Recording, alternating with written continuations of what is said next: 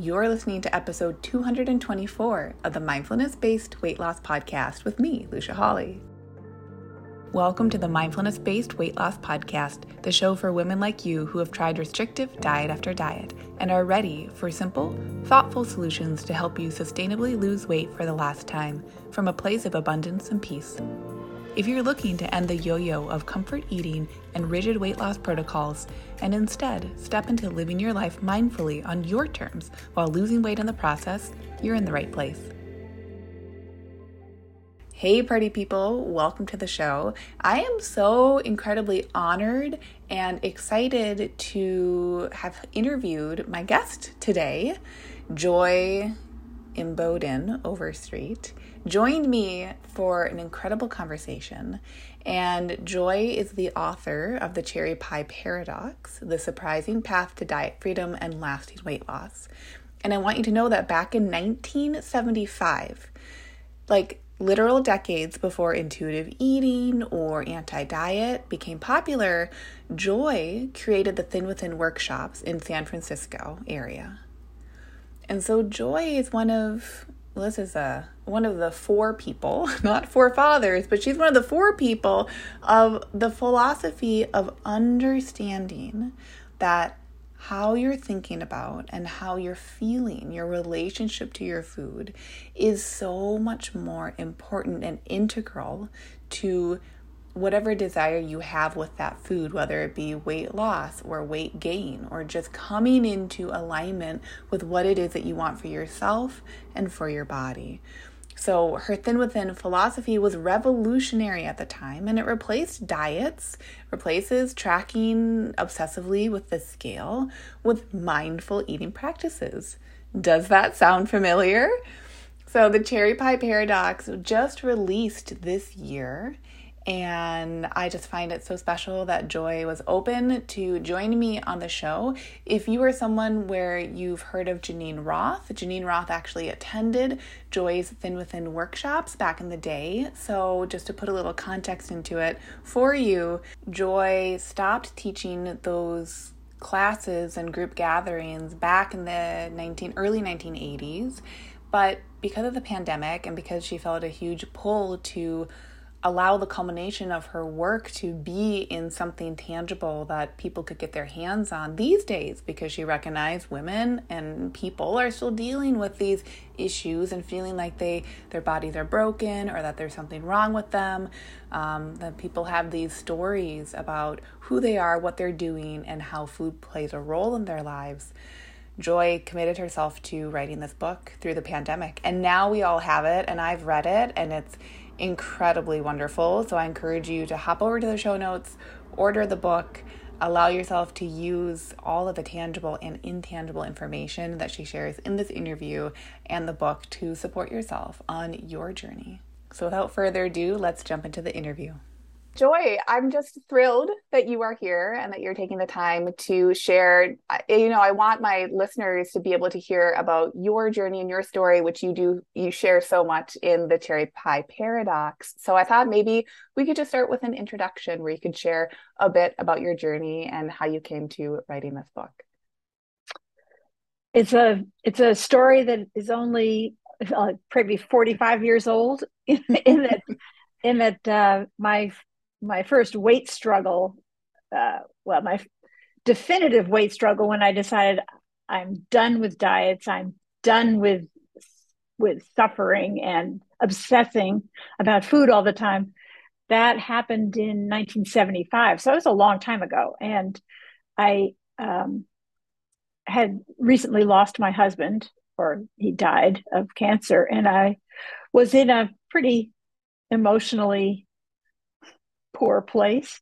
And so, um, food and eating and dieting and obsessing about it was kind of how I um, filled my time. And I also had two small children at the and realized that I could not be a decent parent and continue in that vein. I needed to give them the attention they deserved. So I quit dieting and uh, started focusing in on my body sensations and mostly about telling the truth about what I was eating because I was lying to myself about how much I was eating and how frequently. I mean, I was like a cow, basically, mm-hmm. except that I didn't have all the stomachs that yeah. so, uh, so eating all all the time. So just just taking note of what I was eating um, was very instructive. But then, um, a couple of weeks after I started that, I had a a friend invited me over. Well, she I was taking my kids to her place for uh, babysitting. And she invited me to join her for breakfast. And her breakfast was cherry pie eh, or a piece of cherry pie. And I was, um, I said, of course not. I, I, I'll have coffee. I don't drink, I don't eat pie, particularly for breakfast. Um, but uh, salivating, of course, while she was eating and just feeling so jealous. And about halfway through the piece of pie, she tapped her stomach or patted her stomach and and said to herself, said out loud rather, that she was full. And she took the piece of pie and the plate and just tossed the pie into the garbage can, which was it was inconceivable to me. Inconceivable. and, I, and I I just thought there is something about Carol that is different from how I think about food. Um, you know, I have to notice that that Carol it was a skinny little thing. She was really bird-like.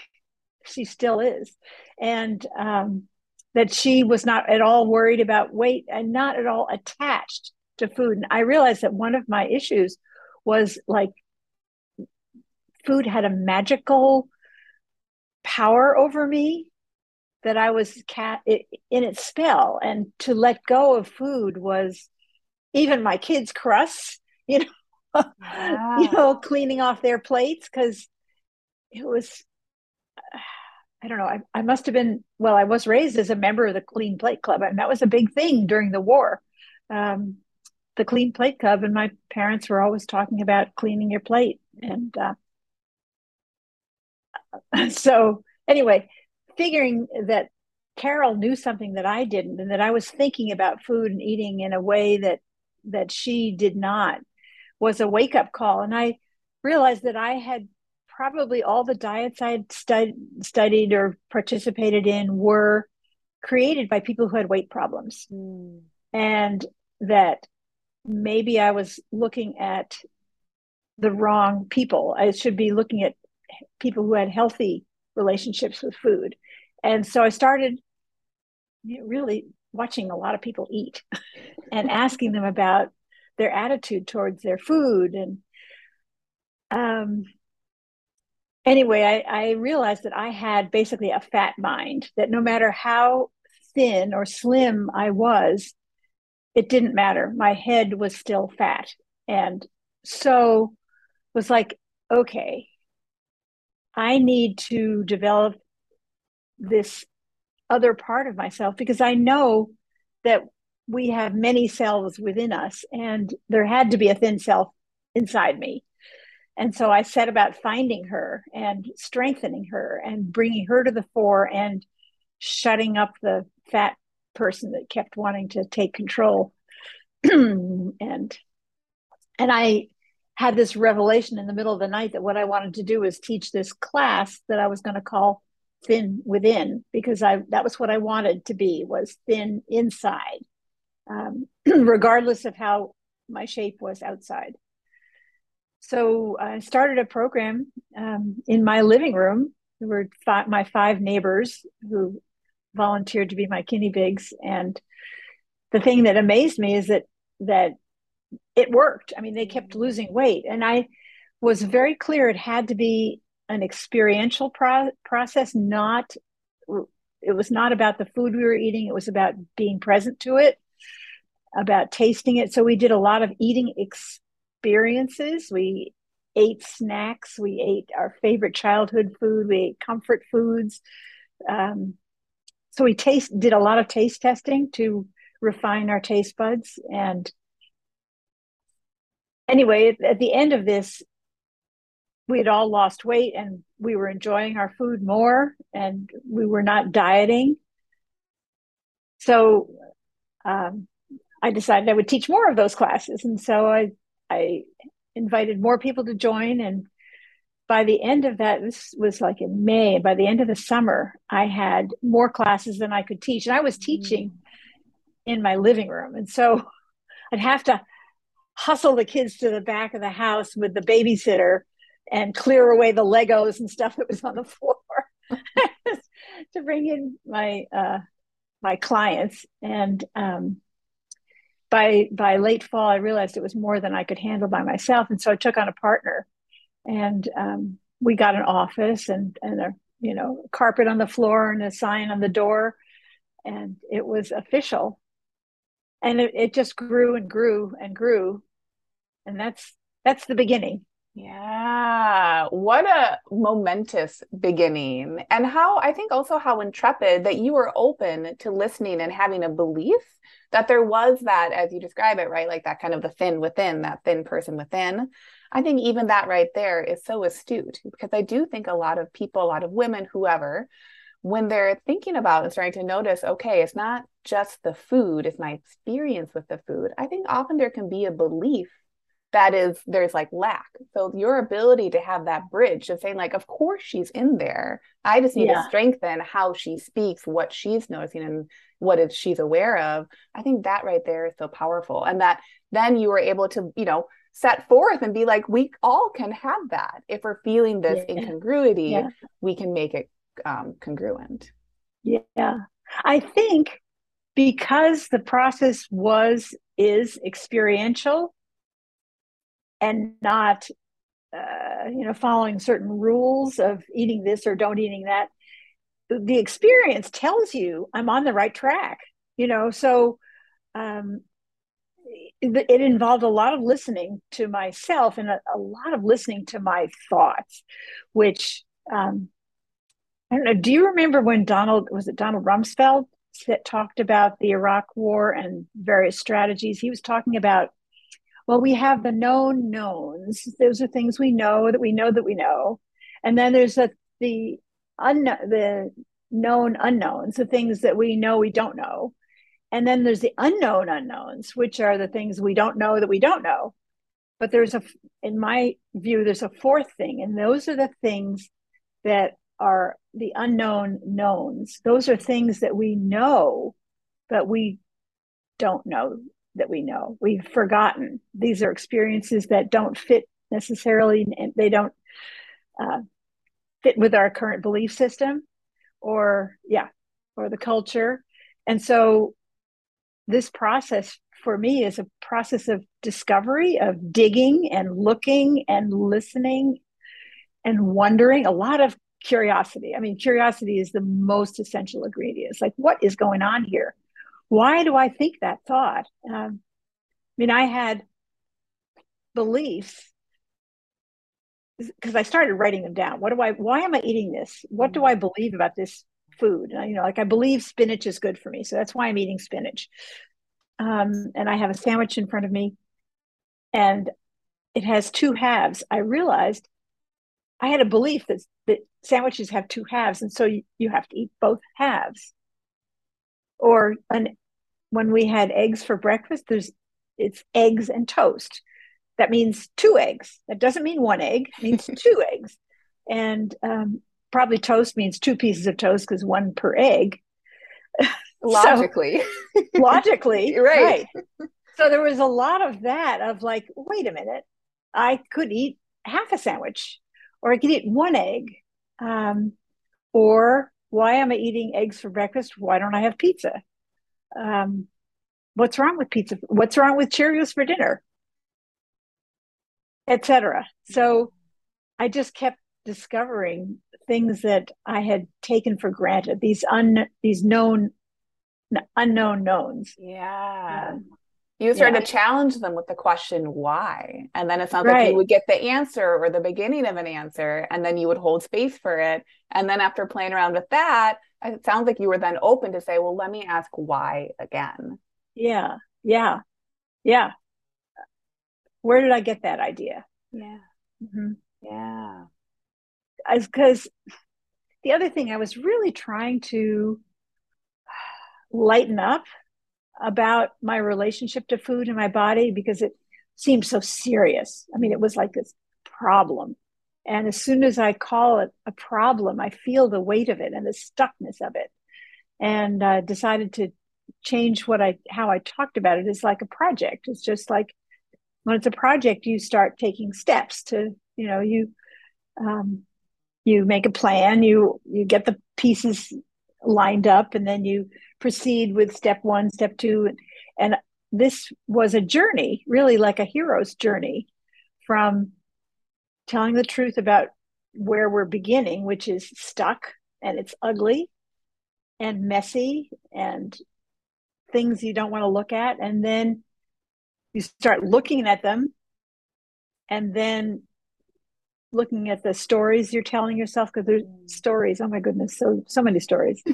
The stories they have their own book or anthology oh, right right right. Well and we uh, we used to ask people to write their fat story which is like how i you know their origin story how i how i got this way.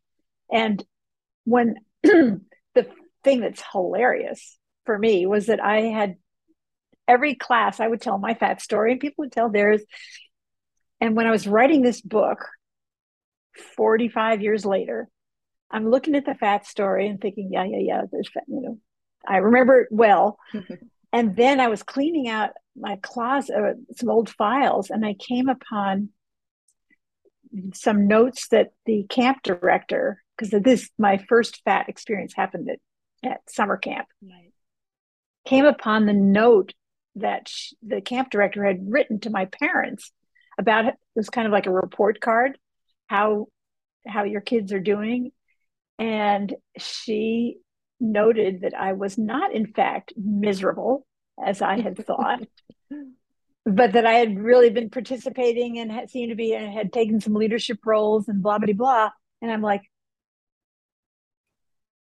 ah, that that doesn't that doesn't compute. I mean, I was miserable. That's why I ate. But it really I, challenged the emotional drama of the story that you had of reflecting whoa, on yourself. Yeah, yeah. was like, and so I began to tell people to start questioning these stories. Is that really true? You know, is there is there another way that you might interpret it, or that somebody else would interpret it? You know, like the camp director, for example. Yeah. Uh, so um, that just, that that finding that letter blew my little mind honestly it changed the story just that one more time. Well i mean that story was like it was it was set in stone. Yeah. i had told it so many times. It was embarrassing to discover that i had yeah. Honestly i think i was uh, if anything i was just pissed off my mother for sending me. I didn't want to go and it's like obscenity deleted. I'm not gonna. you can swear I'm, on the show if you want to. I was like, "Fuck that! I'm doing. I'm eating. I'm gonna. I'm gonna. You know, I'll show her." Yeah. And I I came home after eight weeks, 25 pounds heavier. I mean, I really, I really booked it. you had a point to prove, and you proved it. I sure did. I did. I did a good job. Uh, yeah. So anyway, I left Thin Within in 1980 because for a couple of reasons. One, I, I had resolved my weight. I, I had just really I worked on it so hard that I it, it evaporated, just gone. And so and I eh, think I'm just going to interrupt for right one second because all I want to add in right there is that that was like five years. It was five years. Well, I I would say that I evaporated within the first three. Okay, was, so three years. Yes, right. It was not overnight, and I was not that large. Um, it was it was a lot of hard work. Yeah. A lot of questioning and observing and being patient with myself, uh, listening to other people's stories and thinking, oh, that's true for me too. Yeah uh, and honestly, I really feel bad that we're no longer doing group processes. I think you do groups, right? I do, yeah. Because um, if the only stories you listen to are your own, that's very impoverished. Yeah, um, yeah. Because those those unknown knowns surface in other people's stories. Yes. I yeah. find that to be so true. So often when I do, I do the weekly group coaching, and so often someone will share their story. And then, of course, later on, when we're coaching another client, when I'm coaching another client and we're having another conversation, it is so amazing how uh, almost every single time they tie back and they say, even if it's not the same circumstance or whatever it might be, just hearing someone else's story, I feel like it's just this way for our brains to light up, right? Like, we learn through stories. And so, yes, of course, it can trigger, okay, I might not have that same thing that's going on with this woman, but by hearing her story, that then brought up a, a, you know my own story from childhood or something that's a different shade of it so i think that's so exactly. astute as well yeah. that truly yeah. like how we yeah. process is in community and i love how you how you share that, that impoverished because that's a great word for it it is yeah and um the other thing which you actually alluded to in the fact that it took me three years to feel free was that um, it does it just takes so much time because it took years to create the stories and the behaviors and the habits oh. and it's going to take time to undo it and to create a new story for yourself yeah and um, I love too that you shared. So it took the three years, and that can feel, you know, it's that both and. Three years is a long time and you came to a point where you're like i'm done. Like i'm done. good. yeah. So i think that's so empowering for women to hear that too that it's yeah. like it might feel like this trek that's never ending in the sahara desert. You're like mm-hmm. where's my water? But yeah. you're going to get to the place where you're like okay we're here so yeah, yeah. If, if, you, I, you know, I, I interrupted, but I was just, no, I wanted no, to like make great. a point of that for people that it can, and similar with my clients as well. I have clients who I've been working with for multiple years, and it's such a good thing because you just yeah. get to take that pressure off, which is so different than dieting, right? Because dieting yeah. saying get it off yesterday. Why are you so bad that you didn't do that? So we flip it on its head, put the battery in the other way, and say, this is mm-hmm. how we mm-hmm. recharge for life. Yeah, and and then knowing that you're done i mean i was done. And i i was also really tired of listening to stories. Yeah. you know it's like i heard that so many people with various problems it's not just eating problems but uh, are like willing victims. And i felt like um, i would hear stories of of complaint that they had to break the brownies they had to bake brownies for the girl scout picnic. And i i mean i had to bake brownies. And so right I, was there I, was there a gun had, to your head? Uh, right i had to eat them or i had to buy potato chips because my husband really loves potato chips and he wouldn't and it's like and so i ate them all uh, and it's like no you're not tied to the bedpost you have agency yeah. and you need to set up your life if if in fact you want a result which you may not yeah. um, then you have to set up your life so that it supports you which may mean you don't have potato chips in the house or you don't you tell the brownie troop or the girl scout troop that you're not making brownies or the brownie troop yeah yeah yeah uh, so you have to know yourself and and and honor that. It is that radical ownership of really saying if this all gets to be okay if choosing to not have brownies in the house can be okay if choosing to have brownies in the house and process my feelings around them and not eat them to the degree that i don't want to eat them if that could still be okay then also by proxy what that means is it gets to be okay to choose the victim story or the mm-hmm. woe is me story of oh mm-hmm. i've got to eat the brownies because i made them because people pleasing or what have you so i think mm-hmm. that is so key for people to hear as well that like when we mm-hmm. really neutralize all of that it's telling yeah. that it's telling that truth of like okay what are we intentionally choosing yes right so it, it is really taking responsibility yeah for what you're doing. Yeah. What, what you're thinking. I mean uh, and you took responsibility where you said okay like i i feel a culmination of my own journey and now listening to these stories is no longer aligned for me. Yeah right. And yeah, so I, I I moved on, but the the behaviors and thought patterns have not gone away. I mean, I I have become a picky eater, which you know I used to be. Well, come from a long line of my mother used to call herself a human garbage pail. Yeah. And I, I thought, used to think that was a point of pride that I would eat anything because I would. Um, but we did all these taste tests, and I discovered that even the most delicious thing changes over. I mean, you take a brownie, for example, the first, well, the anticipation is like, whoa, this is going to be fabulous. And then the first bite maybe it is fabulous maybe it's not but you know but we have ideas in our mind that it's going to be fabulous and so we think it's going to be fabulous all the way through but maybe it gets better or maybe it gets worse so the last bite is not as delicious as the first bite and um, learning to leave a bite of food on the plate or learning to throw a bite away was huge. It was like it was it was one of the biggest learning experiences of that whole process. And it was one of the things that made our participants most crazy because we would do this taste thing. The first couple times they got suckered. We'd have them bring this thing to eat and they would start in on it and I, they, we would experience it and rate it and um, and then I'd say, okay, here's the wastebasket, toss it, toss what's in. And they're like, what? I mean, I had a couple of people over, you know, that would actually like, no, I'm not.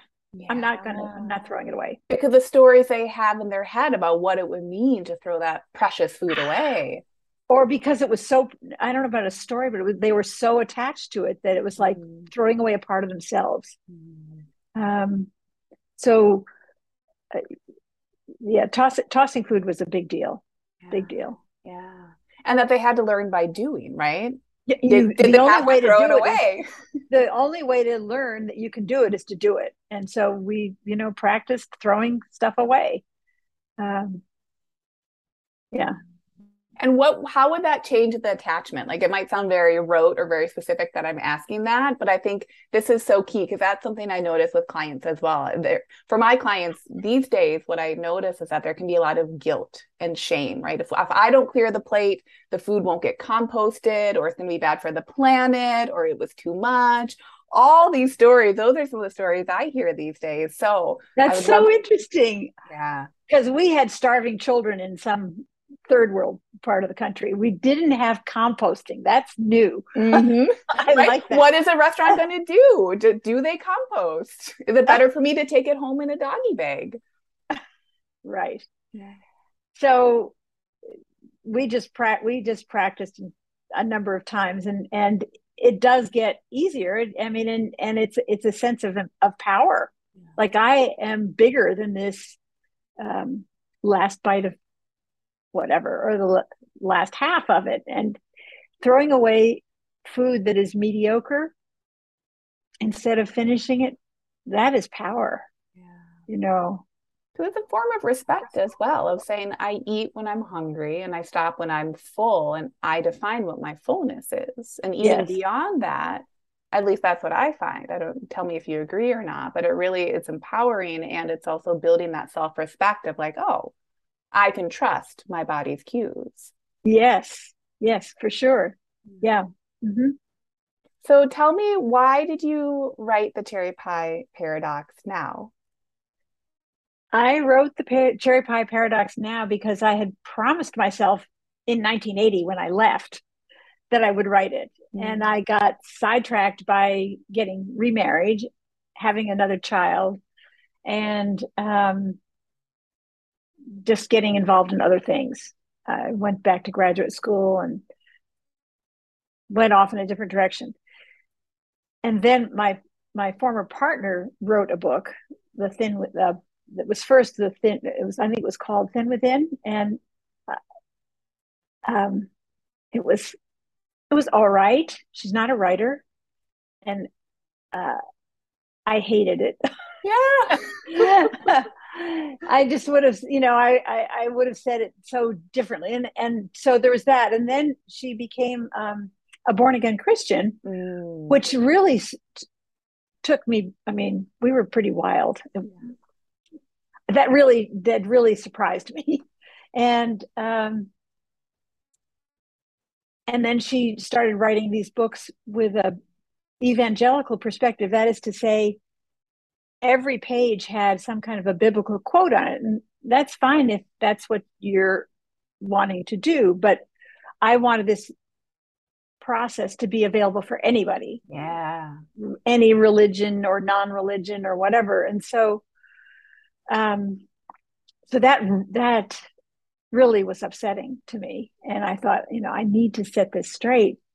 And then time kept going on and it was my 80th birthday was approaching and I thought if not now, it's not going to happen. Yeah. And so um and then the pandemic struck so it was perfect uh, you're cooped so, up at home yeah cooped up at home and and no excuse um, and I, at first i was going to just write it as a memoir that was kind of being about creating it and stuff like that because i had thought that i didn't have the rights to the material mm. but in fact it turned out that I did. Uh, mm. Uh, I I had the copyright. I had not even thought to check with the copyright office, mm. and I had copyrighted it a couple of years after we started. Wow. And um, so I just so that I completely scratched that book and started over. So I wrote it like three times uh, to end up where it ended up, and I'm very I'm very pleased with it. I think it's I think it's a good book. I mean, here it is. We both we both have our copies and we're holding yeah, up. Yeah. I, I think it's an amazing book. And I love that you I, I didn't know about the copyright information. So I think what how impressive that you were able to put that information into a book format because reading through it again as someone who coaches this stuff i was like oh yeah like yep that step and this step and oh my gosh so aligned. So it is so clear and so concise and i think you're an incredible writer. And so it it is i think anyone could pick up this book and take you also have stories in there too which again yeah. like we were talking yeah. about a couple of minutes ago we learn from stories and from hearing yeah. other people and what that can kind of ping in our memories and our brains. So i think it does a beautiful dance of sharing the stories and then also having the tangible practices of writing the food down of slowing down tasting your food really noticing and putting it into a matrix like what is happening with my food as i'm consuming it. Yeah.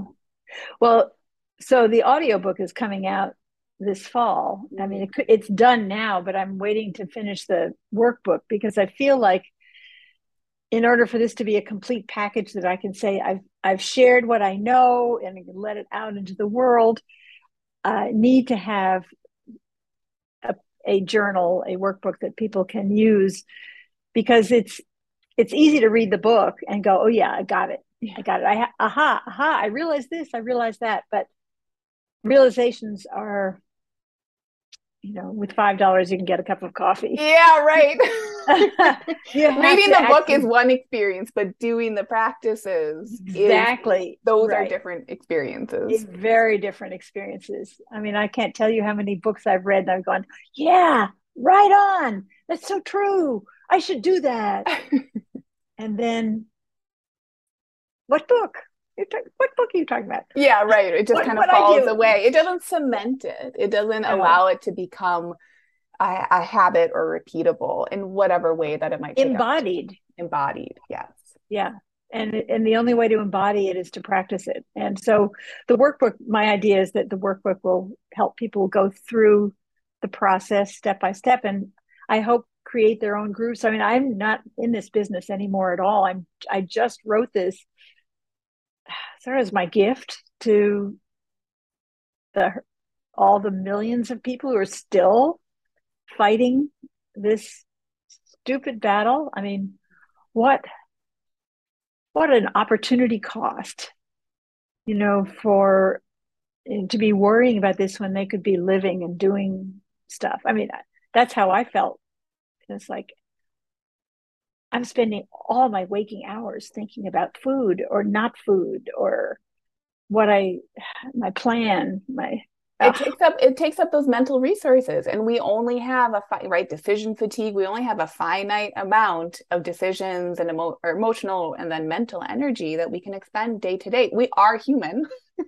Yes. So it would make sense that by being able to figure out figure out and saying it like in air quotes but really to a certain extent figure out this portion and feel in alignment with yeah. okay i understand why i make these food choices or i feel like yeah. these align with what I value for myself and how I live my life, then I think that opens up, just like you said, so much more opportunity to go forth yeah. and do the other things that you want to do or think about the other things you want to think about in your day to day yes. life. Yeah, right. Because because when you get to your ideal weight, whatever that is, or you resolve the problem, it's like then what? I mean, the next day, I mean, it's chop wood, carry water. You're going to, your life is actually not going to change significantly. Mm-mm. And uh, if you think that that's going to make a huge difference and the world will bow to you, no. Yeah, good luck. good luck. Good luck with that. Right. Yeah. So I'm curious about about you, how you got into this yourself. Yeah. I mean, I assume you don't diet. So how did you stop I mean, what was your moment? Yeah, that's a it's a great question. So my moment, and of course, I feel like for so many of us, it's kind of winding, wending path in one way or another. So I lost about 80 pounds when I was 14 or 15 years old. And it was one of the first times that I realized that what I eat affects how I feel. So mm-hmm. my weight kind of fluctuated, never as dramatically as that 80 pound number, but it kind of fluctuated. And I knew I there was something going on with food. And I realized that there were some emotions with food, but I was very interested in the nutrition component because I then later on, for own reasons, went gluten free. And I have Hashimoto's. And so there were thyroid flares, and going gluten free literally changed my life. Mm-hmm. went from daily panic attacks, anxiety attacks because of an unknown flaring thyroid uh-huh, right. to completely balanced, could get back to my normal life. And I was like, wow, it's not just my personality to be anxious. Isn't that so uh-huh. fascinating? Because yeah. the world is saying it is, and there's no solution yeah. except medication yeah. or shame or whatever else. So I got into nutrition because of those experiences. And then, and I started working with clients in 2015. And I was doing anything related to nutrition macro counting, weight loss, gut brain axis, anxiety, like anything. It was just whoever wanted to come work with me, we would work on stuff. And it was amazing. And then what I found, and I've been running now my focus with weight loss and emotions. I've been running this program, Lean and Liberated, since for the last almost three years. Uh-huh. So, what I found and why I created that program was that I got to a point where I'd be working with clients, primarily women, and I was working with them, and they started to come to me with this like we would talk about nutrition subjects and they would almost feel ashamed for wanting to lose weight or having a desire to lose weight because it was they were feeling like they were anti-diet but how could they lose weight if they were anti-diet uh-huh. and so i realized it's like well we could keep talking about hydration and you know these like very tangible nutrition things until the cows come home or i could flip the script and realize that what I had done for myself was very much thought work. And I hadn't really realized it because I had this history of a pretty dramatic weight loss. And it wasn't something sure. I mentioned when I was doing nutrition yeah. coaching. It's like, oh, that's in the past. That's fine. Like, who wants to talk about weight? Right. So I really realized, oh my gosh, I have had this experience. I believe that you can lose weight without it coming from a diet and you can continue to keep it off. And maybe you need to refine how that works. But for the most part, like the weight can come off and then you can have a really lovely relationship with food.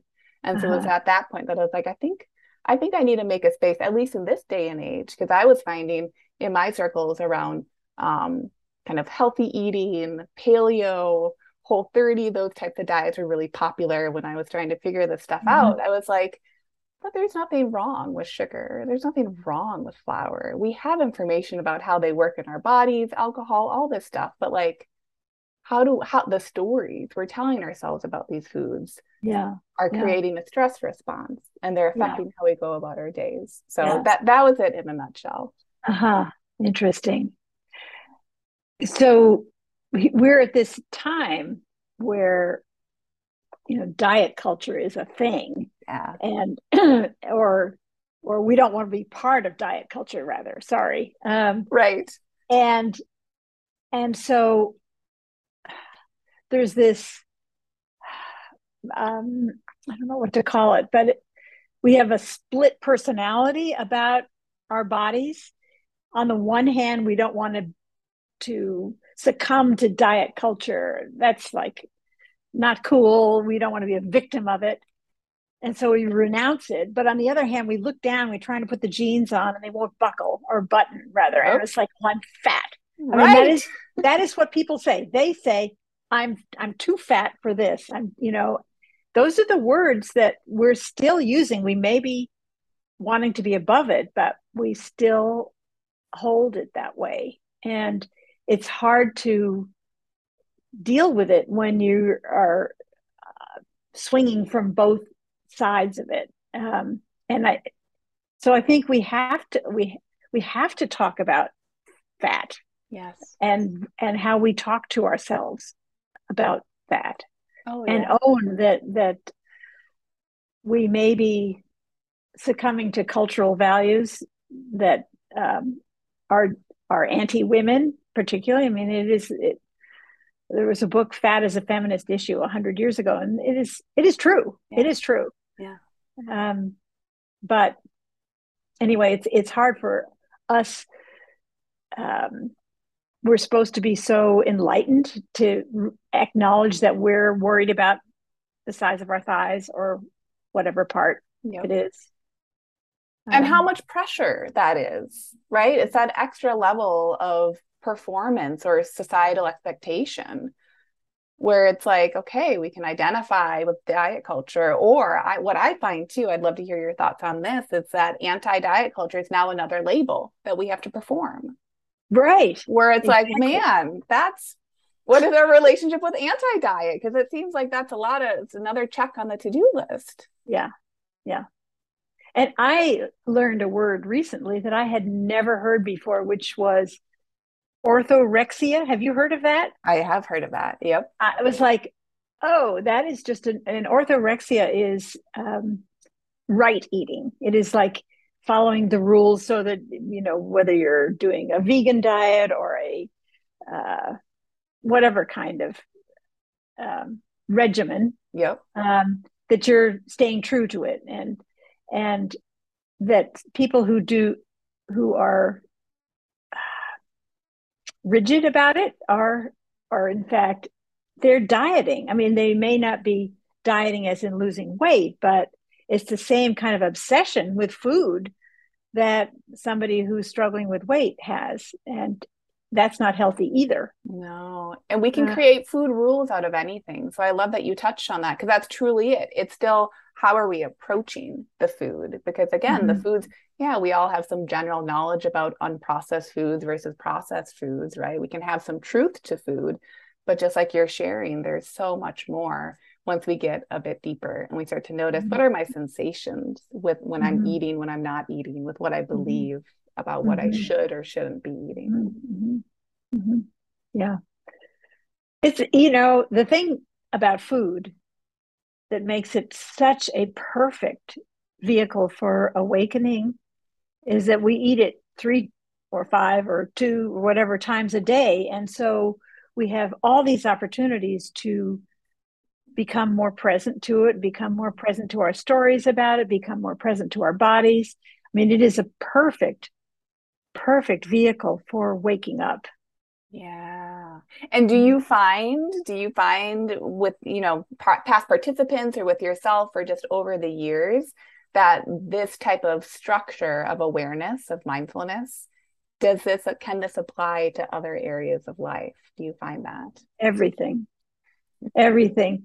And I I have a section in the in the book about teasers and pleasers, and and I realized that a teaser is something that well, it's like a sale item. You go to the store and you see they've got a two for one, and so you buy two blouses or donuts or whatever, despite the fact that you don't need one or even particularly want one and they come you come they come home and they hang in your closet and uh, and realizing that that you've been tempted by something that is not an organic want it's something that was that that you saw.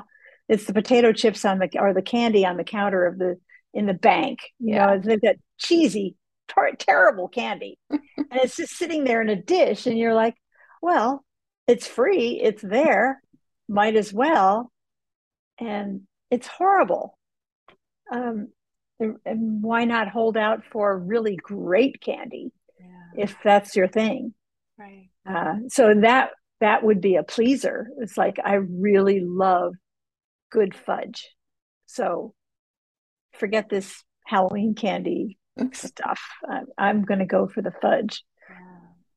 And I think it's and, also and so that's kind of true of, of life. You know, it's like, what do I really want? Not what's what's easily available to me. What do I really want? Yeah. And yeah. that's a very powerful question. I think that question, so many people would say, well, I don't know and they'd shut down and walk away and then maybe go eat something about it or go buy something about it or do something that maybe is numbing or distracting them from that very deep question of what right. do I want? Right. Yeah. So, um, but the process of discovery, I think, is is available to in many spheres. I used it to teach uh, quit smoking classes. Mm-hmm. I use it in, I used to teach, uh, well, I, I would still be, but they went online and I don't like teaching on Zoom.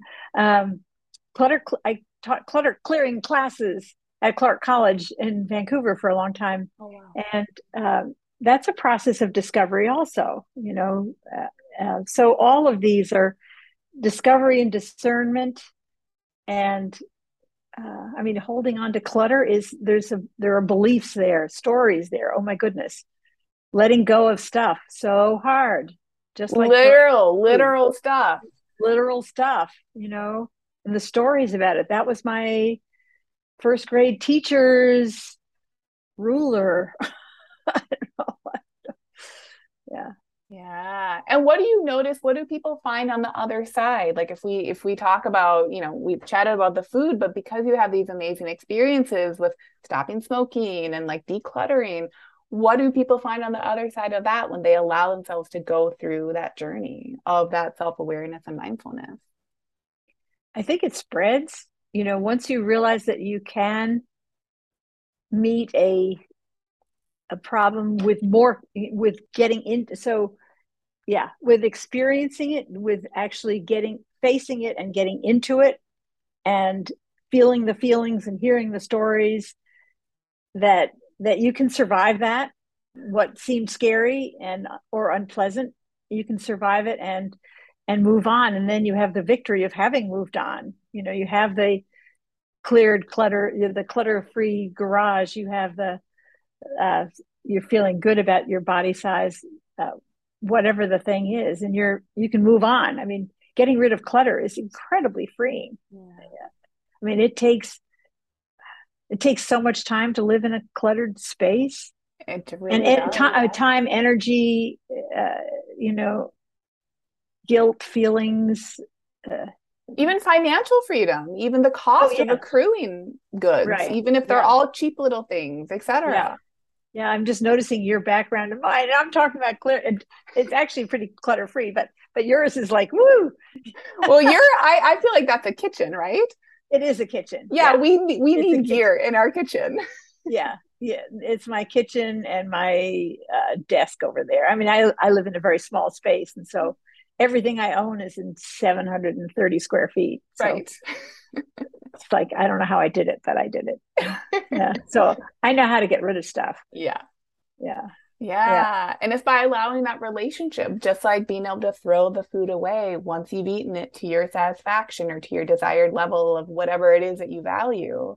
It really is saying, like, I can overcome this feeling that right now feels like it's not over, it's not a word, but it's not overcomable, right? It's really mm-hmm. saying whether it takes baby steps and just practice, mm-hmm. practice, practice, I can do it because what's on mm-hmm. the other side of it is something I value more or that I'm right. at least curious about experiencing more than what yeah. I've been repeating right now. Yeah. Yeah. It's it's a freedom. Freedom. Yeah, freedom. Mental, physical freedom. Yeah. Yeah. So, where can people find you, find your book, and find the audio, which I'm so excited is coming out pretty soon. Then the audio pretty book. soon. It's, I mean, I it's ready to go. I'm it's just waiting on me getting the the the workbook typeset yeah. to my satisfaction, which I'm hoping to get done very soon. I mean, I'm I'm ready to go. I just have to find, at any rate. Uh, so I have a website, joyoverstreet.com.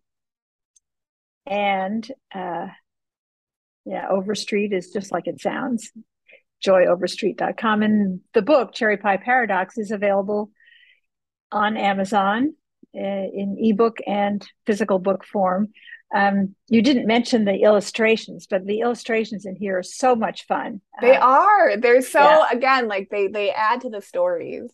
Yeah, the illustrations are are actually by a friend of mine who you live in Portland, and so uh, she she's going to be at the Art in the Pearl. She does. She's basically a ceramicist, and so if you go to the Art in the Pearl, you'll see her booth, um, and she does goofy. I mean, her stuff is goofy. I love that. So am I. So, you know, it's perfect. Uh, anyway, so I have. I also have a, a newsletter, um, which is pretty random because that's who I am. Yeah. It's pretty, and it's called Alive with Joy. But I think there's. Is there a place to subscribe on my newsletter on my website? Mm, good question. I don't know.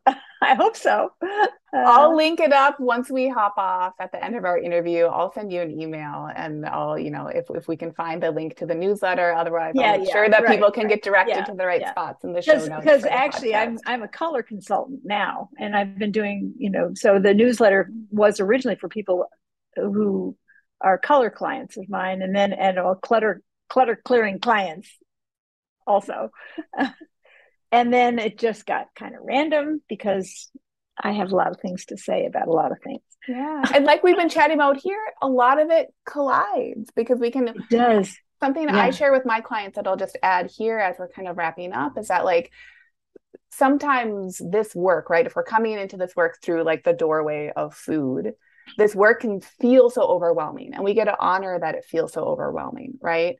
But what a lot of my clients find over time is that we only have like a handful of these different mental patterns, right? Kind of these habitual ways that we approach things or how we react to stress. So I think it, it makes so much sense. Like I love that your newsletter is flowing between these different like parts of the life that you're cultivating and that supports people because it's true. How we do one thing is how we do a lot of other things. So I yes, right, sense. right, yeah, yeah.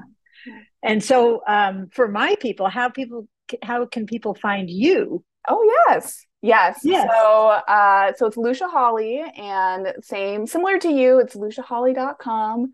Lucia Hawley on Instagram. I'm very active there for anyone who listens who does enjoy TikTok. I feel like more and more people are doing TikTok. I'm over on there as well.